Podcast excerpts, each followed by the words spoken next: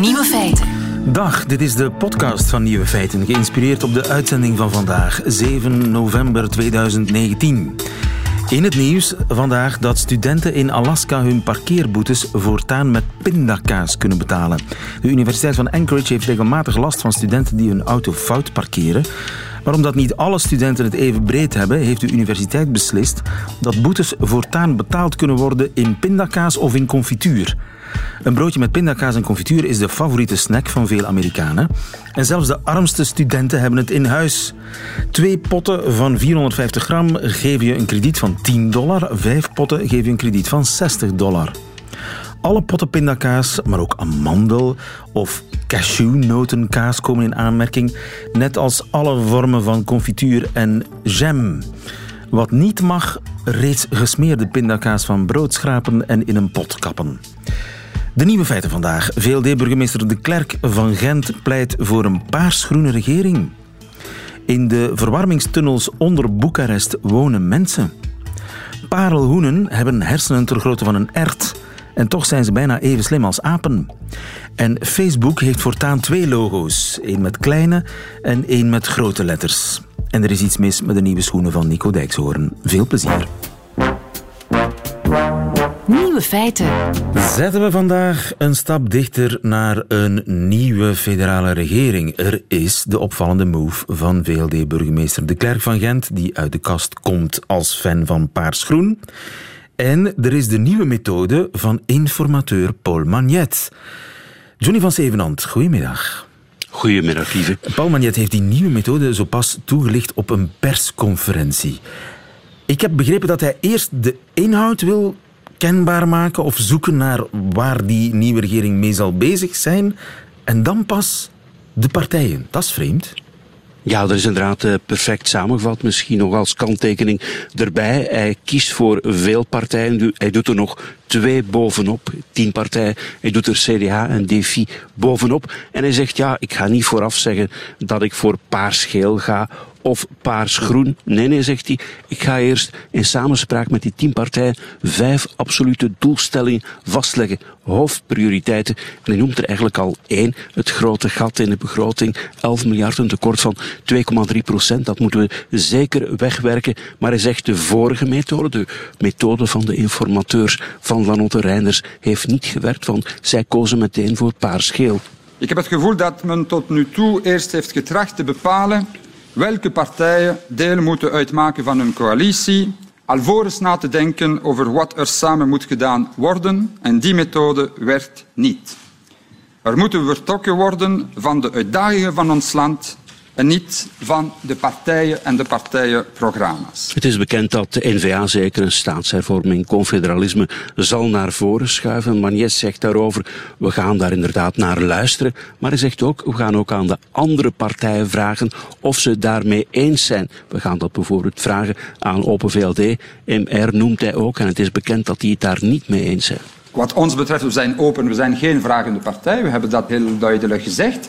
Maar als bepaalde partijen zeggen de topprioriteit is een staatshervorming of institutionele hervormingen, zal ik aan de andere partijen vragen, deelt u deze mening en zijn u bereid om dat te doen? En we zullen zien. En dan de slotbedenking van Magnet. Hij zegt, ja, ik ben niet naïef, ik weet dat ik een aardsmoeilijke opdracht krijg. En hij geeft zichzelf als slaagkans, hebben we gehoord in het nieuws, tussen de twee en de drie op 10. Maar hij zegt, ons land, België heeft al heel wat crisissen gekend. Ja, waarom zouden we er nu niet uit geraken? België kent in het verleden al belangrijke crisissen. We hebben daar steeds oplossingen voor gevonden.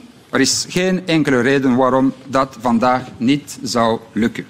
Op 18 eh, november, dus over 11 dagen, gaat informateur Magnet bij de koning met zijn verslag. Dan weten we nog meer. Ja, dat is uh, informateur Magnet. Maar dan heb je ook die opvallende move van Matthias de Klerk, de burgemeester van Gent, die uh, naar eigen zeggen in de kerk vloekt en onomwonden pleit voor een paars-groene federale regering. Zo klonk hij in de ochtend. Ik heb het gevoel dat men gewoon niet tot een akkoord wil komen tussen PS en NVA en, en omgekeerd. En dan stel ik vast dat er een democratische meerderheid is uh, van liberale socialisten en, en groenen in het federaal parlement. Uh, bovendien, tussen 1999 en 2003 heeft Paars Groen goed werk gedaan. Tegen alle verwachtingen in heeft men daar eigenlijk dingen kunnen doen die, uh, die op voorhand onmogelijk werden geacht. Burgemeester van Gent, Matthias de Klerk van Open, Open VLD, zegt vanmorgen dit dus in de ochtend. En uh, vandaag zegt hij dat ook in een opiniestuk in de Standaard. En het is wat weinigen hardop zeggen in zijn partij. Hè. Hij zegt het tegenovergestelde van wat eerder uh, uit de mond van VLD-tenoren kwam. Johnny, toch? Ja, maar we mogen niet vergeten, hij is burgemeester van Gent. En wie zit er in zijn coalitie? De Groenen zitten in zijn coalitie, de Socialisten zitten in zijn coalitie, uiteraard de Liberalen en CD&V. En als het paars-groen wordt, zou het ja, federaal ook die coalitie worden. Hij zegt, ja, wij bewijzen elke dag in Gent dat dat perfect kan werken. En er zijn ook liberale burgemeesters die met Groenen of met Socialisten een coalitie hebben. Denken bijvoorbeeld aan Bart Somers in Mechelen, dat is met de Groenen. Denken we ook aan, aan Bart Tommelijn in Oostende, dat is ook met de Groenen. Dus hij zegt, ja, het is wel, wel degelijk mogelijk. En in het verleden, ja, Guy Verhofstadt uh, vanaf uh, 99, ja, dan is er ook een, een paars-groene regering geweest. Dus het kan volgens hem. Waarom zegt hij dat nu? Waarom zegt hij dat vandaag? Wel, we hebben gezien dat, uh, dat de toenadering tussen PS en N-VA totaal mislukt is. En dat is eigenlijk vooral begonnen op het moment dat N-VA gezegd heeft, wij willen toch iets serieus communautairs. En het voorstel is, ja, het is eigenlijk confederalisme. Uh, binnen de federale regering worden ministeriële comité's opgericht van de Vlamingen, van de Franstaligen. En die beslissen dan over dat deelgeld dat voor de Vlamingen is of voor de Franstaligen. En later gaan we dat dan wel met een, tweede, een tweederde meerderheid echt splitsen, is het plan. En dan ja, gingen er alarmbellen af bij de, bij de PS. En ook hoor ik dat MR en Open VLD daar niets moeten van weten. Dus als dat mislukt, ja, moet je naar de andere kant kijken. Naar de andere coalitiemogelijkheid. En hij zegt, ja, die bestaat ook. In hoeverre is dit ballonnetje, als ik het zo mag noemen, doorgepraat met de partijtop? Denk je? Wel, ten eerste moet ervan uitgaan dat er twee vleugels zijn binnen Open VLD. Je hebt de D66-achtige vleugel, links-liberalen. En daar behoort inderdaad uh, Matthias de Klerk zeker toe. Maar er is, er is een groep die, die zo denkt. Ja goed, de, de Brusselse liberalen die zitten ook al met de groenen daar in de coalitie. Daar is het ook, uh, ook ja, paarsgroen eigenlijk met, uh, met Defi er bovenop. Dus, dus er is die vleugel. En anderzijds heb je natuurlijk een, een harde liberale vleugel. Daar behoort uh, Egbert Lachaar toe, daar behoort Vincent van Quickenborne toe. Dus dat, dat is inderdaad iets dat botst. Maar anderzijds uh, zien we toch dat er wel openingen gemaakt worden, ook bij de partijtop, bij Gwendoline Rutten. Want toen ik uh, eergisterenavond belde met, met de Open VLD'ers, met de Open VLD-top, om te weten of Magnet een slaagkans heeft met paarsgroen, wel, ik kreeg als antwoord, paarsgeel is moeilijk, paarsgroen is nog moeilijker. Maar daarbij zegden ze wel, wij stellen geen veto tegen paarsgroen. Dus die mogelijkheid bestaat wel, maar er wordt wel bijgezegd, ja, we moeten wel zorgen dat het een, een wervenproject is. Het mag dus ook niet te links of, of te gek links worden dat bijvoorbeeld de vierdagenweek verplicht zou ingevoerd worden. Uh, Ecolo zal dat zeker uit zijn partijprogramma moeten schrappen. Want als dat te ver gaat, zou het effect wel eens kunnen zijn dat, uh, dat na de verkiezingen dus van uh, over vijf jaar, dat we dan een meerderheid hebben van NVA en Vlaams Belang. Een meerderheid in het Vlaams parlement. En dan, ja, hoor je dan wel eens, dan gaan die twee partijen samen in het Vlaamse parlement de Vlaamse onafhankelijkheid uitroepen. Het scenario wat RTBF ooit dus meer dan ja. tien jaar geleden gelanceerd heeft in een fake news uitzending Bye Bye Belgium. Ja, dus er zijn gevaren verbonden aan dit nieuwe project, maar ik begrijp dat uh, Matthias de Klerk geen roepende in de woestijn is. En ik begon het gesprek met zetten we vandaag een stap dichter naar een nieuwe federale regering. Het antwoord daarop, Johnny, is dat voorzichtig? Ja. Ja, maar als, als Magnet zichzelf maar tussen de twee en de drie op tien geeft, ja, dan, dan weet hij dat het zeer riskant is. Want als uh, Open VLD toch niet meedoet, als CD&V niet meedoet, ja, dan, eh, dan lukt het niet, dan komt hij er niet. Het is niet omdat hij er wat Franstalige partijen bij neemt, zoals CDH en DEFI, uh, is er nog altijd een Vlaamse minderheid in die federale regering. Grondwettelijk hoeft daar geen meerderheid te zijn, want in de regering Michel hadden de Franstaligen alles behalve een meerderheid. Dus het, het kan inderdaad, maar toch, dat ligt wel heel moeilijk in Vlaanderen, als je dat doet. En als hij dan niet eens, ja, die twee partijen, Open VLD, CD&V, mee heeft, ja, dan, dan is het mislukt. En en ik heb ook al het scenario gehoord bij NVA dat ze eigenlijk hopen dat Magnet mislukt. Dat hij eigenlijk ja, de twee troefkaarten of de twee mogelijkheden die hij heeft, dat hij er dan één van kwijt is. Want, want eh, het voordeel nu van, van, van de PS is dat ze kunnen gaan voor paars-groen met de groene zonder NVA. Ze kunnen ook gaan voor paars-geel met NVA. Maar als paars-groen mislukt, ja, dan, schiet er nog maar paars-geel over. Mogelijkheid en, en dan kan NVA zijn eisen stellen. En dan zullen die ministeriële comité's er wel komen. En zal een groot deel van de sociale zekerheid, en die niet alles via ministeriële comité's gesplitst worden als voorbode tot ja, de, de eigenlijke splitsing, als daar dan een tweederde meerderheid voor is. Het kan nog alle kanten op. Dankjewel, Johnny van Zevenhand. Goedemiddag. Radio 1. Nieuwe feiten. Er zijn mensen en die mensen wonen in tunnels. En dat is niet ergens in Azië of in Afrika, maar in de Europese Unie. Meer bepaald in Boekarest, Roemenië. Onder de stad is een tunnelcomplex, de restanten van de communistische stadsverwarming. En in dat complex woont onder meer Bruce Lee. Niet de echte natuurlijk, want die is al lang dood. Maar de Roemeense koning van Onderland. Ah, Bruce Lee. Care Bruce Lee? Normal sau Bruce Lee au rulat? Sunt trimis de domnul. Eu am un mesaj de transmis lumii. Eu, boss de boss. De baas der bazen, Bruce Lee, aan het woord in een uh, film van Joost van den Burg. Dag Joost. Goedemiddag. Hoe lang ken jij Bruce al? Uh, ik heb Bruce leren kennen in uh, 2011. Uh, ik kwam daar Toch als een jaar of acht geleden? Ja, uh, ik heb ze zes jaar gevolgd. Uh, met name het, het jongetje waar de film over gaat. Vanaf zijn twaalfde jaar tot zijn achttiende. en toen hebben we natuurlijk nog het een en ander ja, aan tijd nodig gehad om, om de film te editen. en hij is nu uit. Dus ja, de periode dat ik, dat ik ze al ken is toch wel zeker acht jaar. Ja, en toen je voor het eerst in dat tunnelcomplex kwam, wat zag je? Kun je dat nog herinneren? Nou, um, als eerste, ik was natuurlijk niet. Uh, ja, ik was een beetje bang de eerste keer dat ik de tunnels inging. Uh, ik wist natuurlijk ook niet precies wat ik kon verwachten. Uh, ik had wel een aantal mensen al leren kennen. die mij uitnodigden om te laten zien waar zij woonden. Um, en ik dacht in eerste instantie wel van, nou, misschien is dit een truc. Misschien willen ze gewoon iets van mij stelen.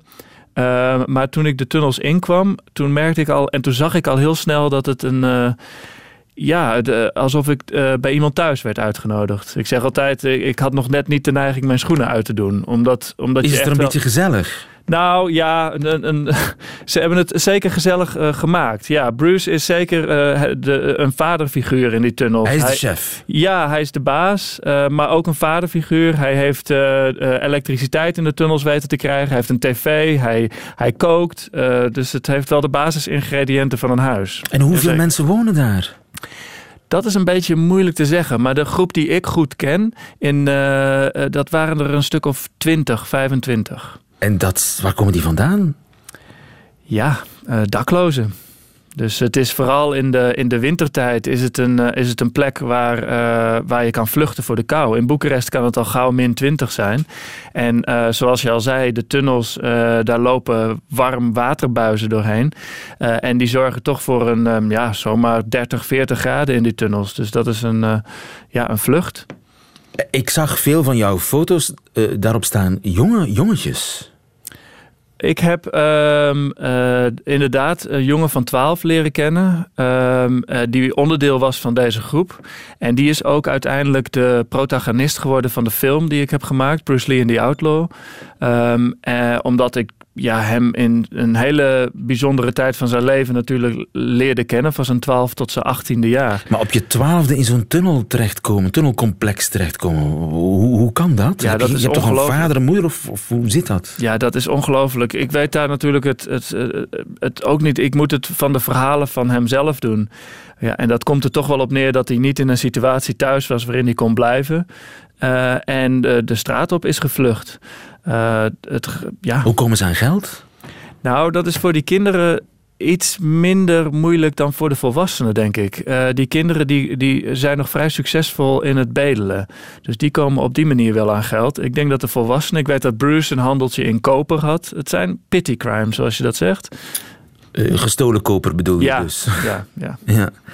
En ik zag ze ook met plastic zakken aan hun mond. Wat is dat? Ehm, dat is een verf, eh Aurolac. En die zit in die zakken. Ja, dat zit in die zak. Dat is een, eh, ja, een goedkope high, zullen we maar zeggen. Goedkope drugs. Jongetjes van 12 Ja, die is- aan, aan een soort goedkope verfdrug zitten. Ja. Ja, zo is het. Dat is wel ellende. Ehm, eh, ja, dat is natuurlijk niet de situatie waarin een kind zou moeten opgroeien. Laat dat opgroeien, laat dat duidelijk zijn. Ja. Eh, Heb je dan de neiging om die mensen te gaan, te gaan helpen? Om te zeggen van blijf toch van die drugs af en zoek een job en ga hier weg. Probeer hier uit te komen. Ja, ze, ja de- zeker de eerste keer dat ik natuurlijk in aanraking kwam met, eh, met die groep. En eh, met name de kinderen heb je heel erg de neiging om, om heel direct te helpen. En ook om een beetje agressief te zijn tegenover die drugs. Dat je dat bij ze weg wil halen. Nu is het wel zo dat ik ook door, ehm, ehm, door hulpverleners heb geleerd dat als je dat doet, zo direct, dan gaan ze natuurlijk om de hoek staan en drugs gebruiken. Eh, het is wel dankzij ehm, de relatie die ik heb opgebouwd en ook enigszins flexibel ben geweest met de drugs die zij gebruiken, dat, er, ehm, dat zij uiteindelijk geholpen zijn eh, eh, bij, een, eh, ja, bij een pleeggezin of bij een, bij som- een instantie. Eigenlijk. Sommige mensen heb je wel de weg gewezen naar oplossingen. Kijk, Nico, eh, het jongetje dat ik heb gevolgd van zijn twaalfde tot zijn achttiende, wordt ergens halverwege de film, halverwege het moment dat ik hem aan het volgen ben, heel ernstig ziek. Ik zie hem in de tunnels en hij ziet er zo dun uit.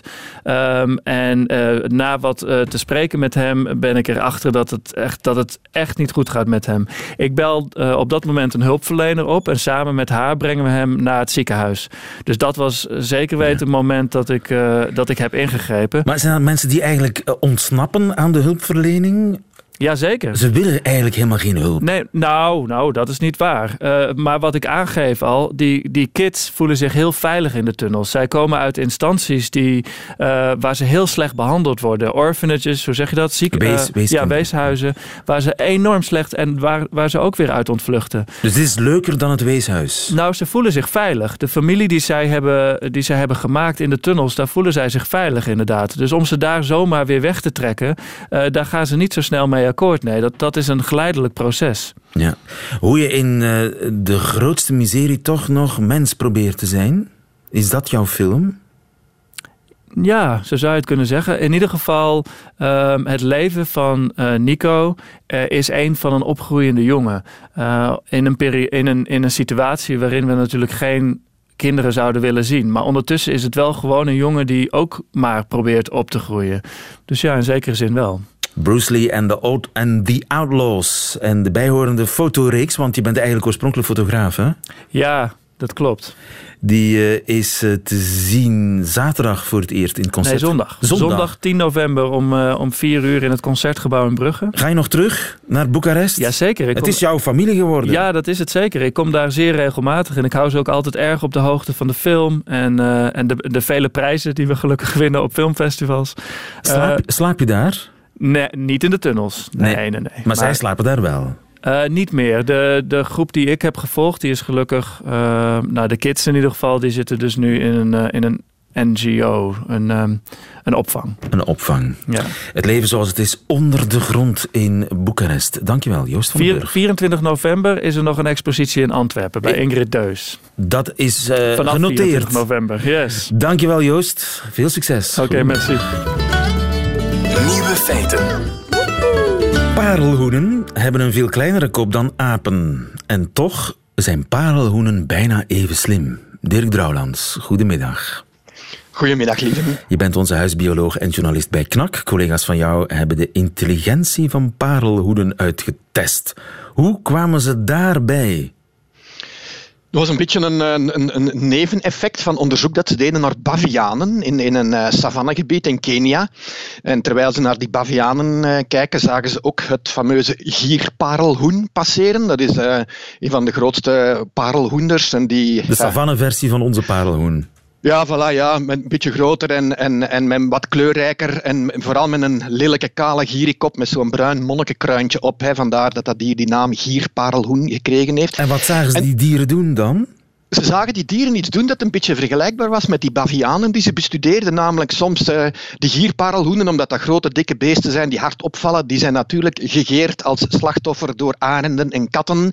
dus die lopen dikwijls eh, schouder aan schouder in vrij dichte groepen over die savanne te eten, met de kop naar beneden dan nog. Dus die profiteren dan van het feit dat ze met meer zijn om dus eventueel aan opgegeten te worden door iemand anders te ontsnappen. En nu heeft men ontdekt, na veel onderzoek van een, een, een, paar jaren onderzoek aan een van die groepen van een 400-tal beesten, dat die eigenlijk uh, voorkeursgroepen hebben. Dus die, die hebben kleine groepjes van altijd dezelfde dieren. Soms gaan die op in klikjes, ja, voilà, ja. Dus eh, van, van dieren die, die het goed vinden met elkaar. Soms gaan die dan op in grotere groepen. Hè, dus verschillende groepen die, die bij elkaar komen. Als die s'nachts gaan slapen, dan vliegen die met honderden tegelijk in een grote boom om daar dan nog meer beschermd te zitten. En het bizarre wat ze vastgesteld hebben is, en dat was een complete verrassing, als die groepjes terug uit elkaar vallen, zijn dat exact dezelfde individuen die altijd terug bij elkaar komen. Dus zij moeten elkaar herkennen. Ze moeten, moeten weten wie wie is. Dat is hetgeen dat men dan veronderstelt. Dat is in ieder geval hetgeen dat gebeurt bij ons en bij andere apen en olifanten en walvissen, waar dat systeem hè, dus wel uh, al, al, al in, in zwang is. Je ziet dat bijvoorbeeld in een school. Hè. Kinderen zijn met een klein groepje op de speelplaats, komen samen in een klas, zitten samen in, in, in, in een groot gebouw dat de school heeft en dat valt dan altijd terug uit elkaar in diezelfde groepjes. Hè. Dus uh, dat is hetzelfde dat dus bij de gierparelhoenders voorkomt. En dat hadden en wij nooit gedacht, verwacht. Precies, omdat die, die, die beesten die hebben sowieso al een hele kleine kop. En die hersenen van die gierparelhoenders die hebben de omvang van een erout. En dat is dus piepklein.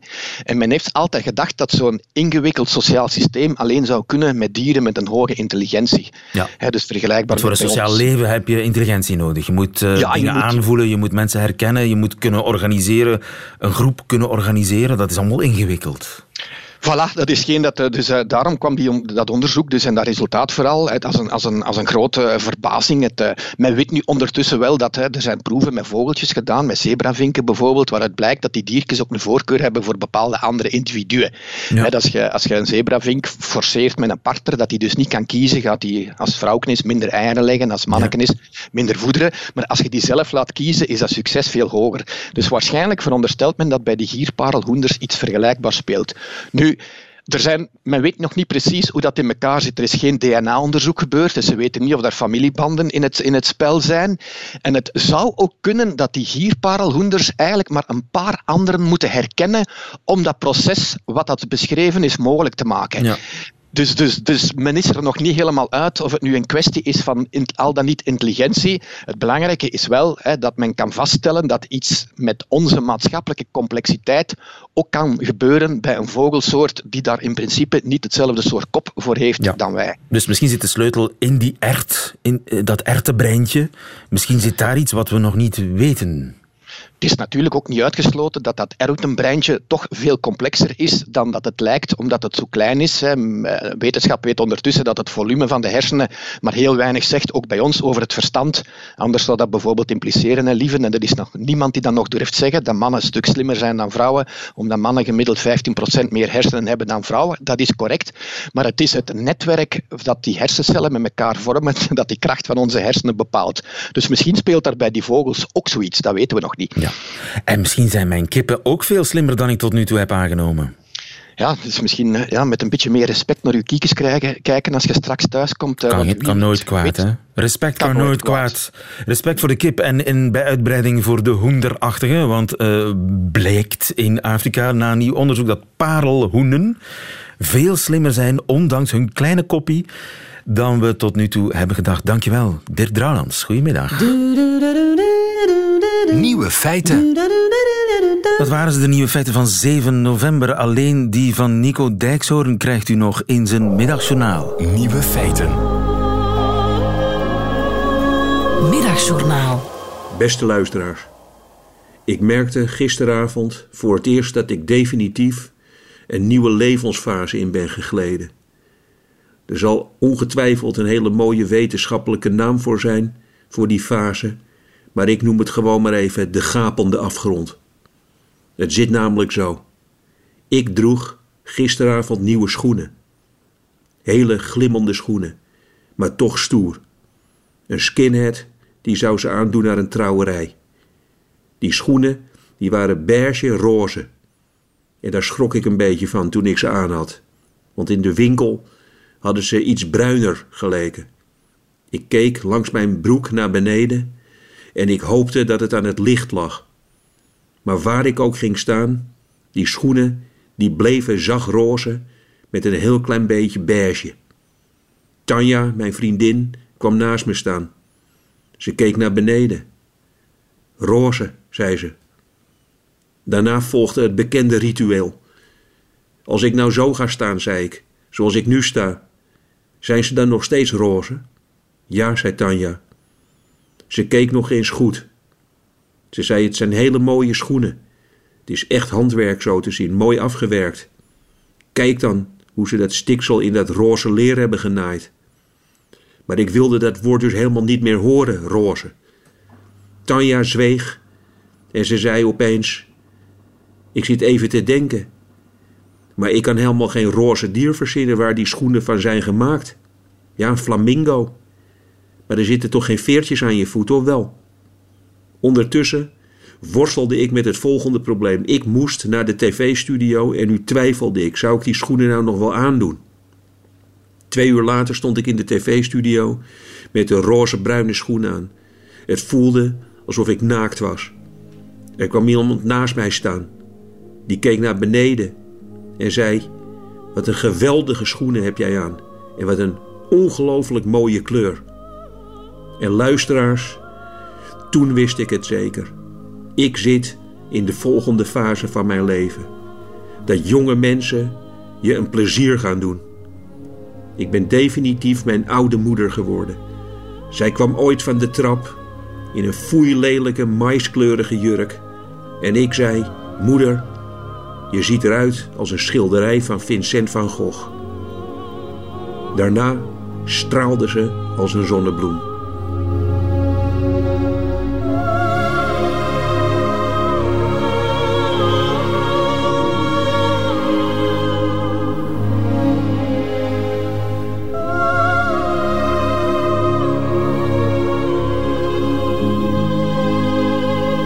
Het Middagjournaal met Nico Dijkshoorn. Einde van deze podcast. Uh, wilt u liever de hele uitzending van Nieuwe Feiten horen? Met de muziek erbij, dan kan dat natuurlijk op onze app, de Radio 1-app, of op onze site radio1.be. Daar vindt u overigens nog veel meer fijne podcasts. Tot een volgende keer.